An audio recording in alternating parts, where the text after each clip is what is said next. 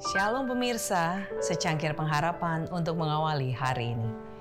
Kedamaian. Damai sejahtera ku tinggalkan bagimu. Damai sejahtera ku berikan kepadamu. Dan apa yang kuberikan tidak seperti yang diberikan oleh dunia kepadamu. Janganlah gelisah dan gentar hatimu. Yohanes 14 ayat 27.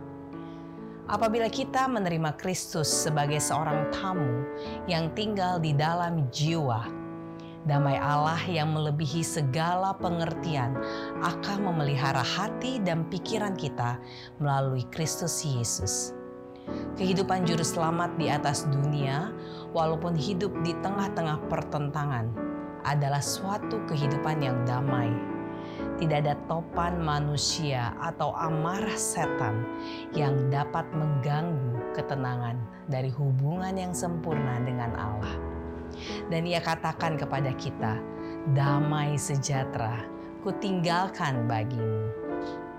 Damai sejahtera kuberikan kepadamu. Kebahagiaan yang diperoleh dari sumber-sumber duniawi berubah-ubah sebagaimana keadaan yang bermacam-macam dapat mengubahnya. Tetapi damai dari Kristus adalah damai yang tetap dan abadi. Itu tidak bergantung kepada keadaan-keadaan dalam dunia, pada jumlah harta duniawi atau jumlah sahabat-sahabat duniawi. Kristus adalah mata air hidup dan kebahagiaan yang diperoleh dari Dia tidak pernah gagal kelemah lembutan Kristus yang dinyatakan dalam rumah tangga akan membuat penghuninya bahagia.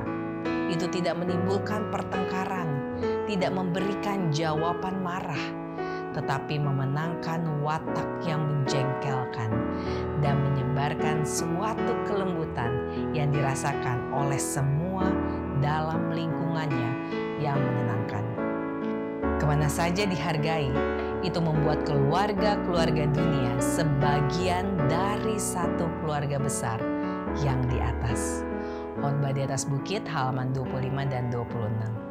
Kristus adalah Raja Damai dan misinya lah untuk memulihkan damai ke bumi dan surga yang telah dirusak dosa.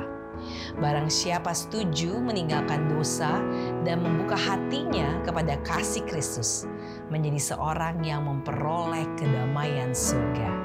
Tidak ada dasar kedamaian lain daripada ini. Kasih karunia Kristus yang diterima dalam hati menundukkan permusuhan. Itu menghilangkan perselisihan dan memenuhi jiwa dengan kasih. Orang yang berdamai dengan Allah dan sesama manusia tidak bisa dibuat sengsara. Khotbah di atas bukit halaman 37. Demikianlah renungan kita hari ini. Selalu mulai harimu dengan secangkir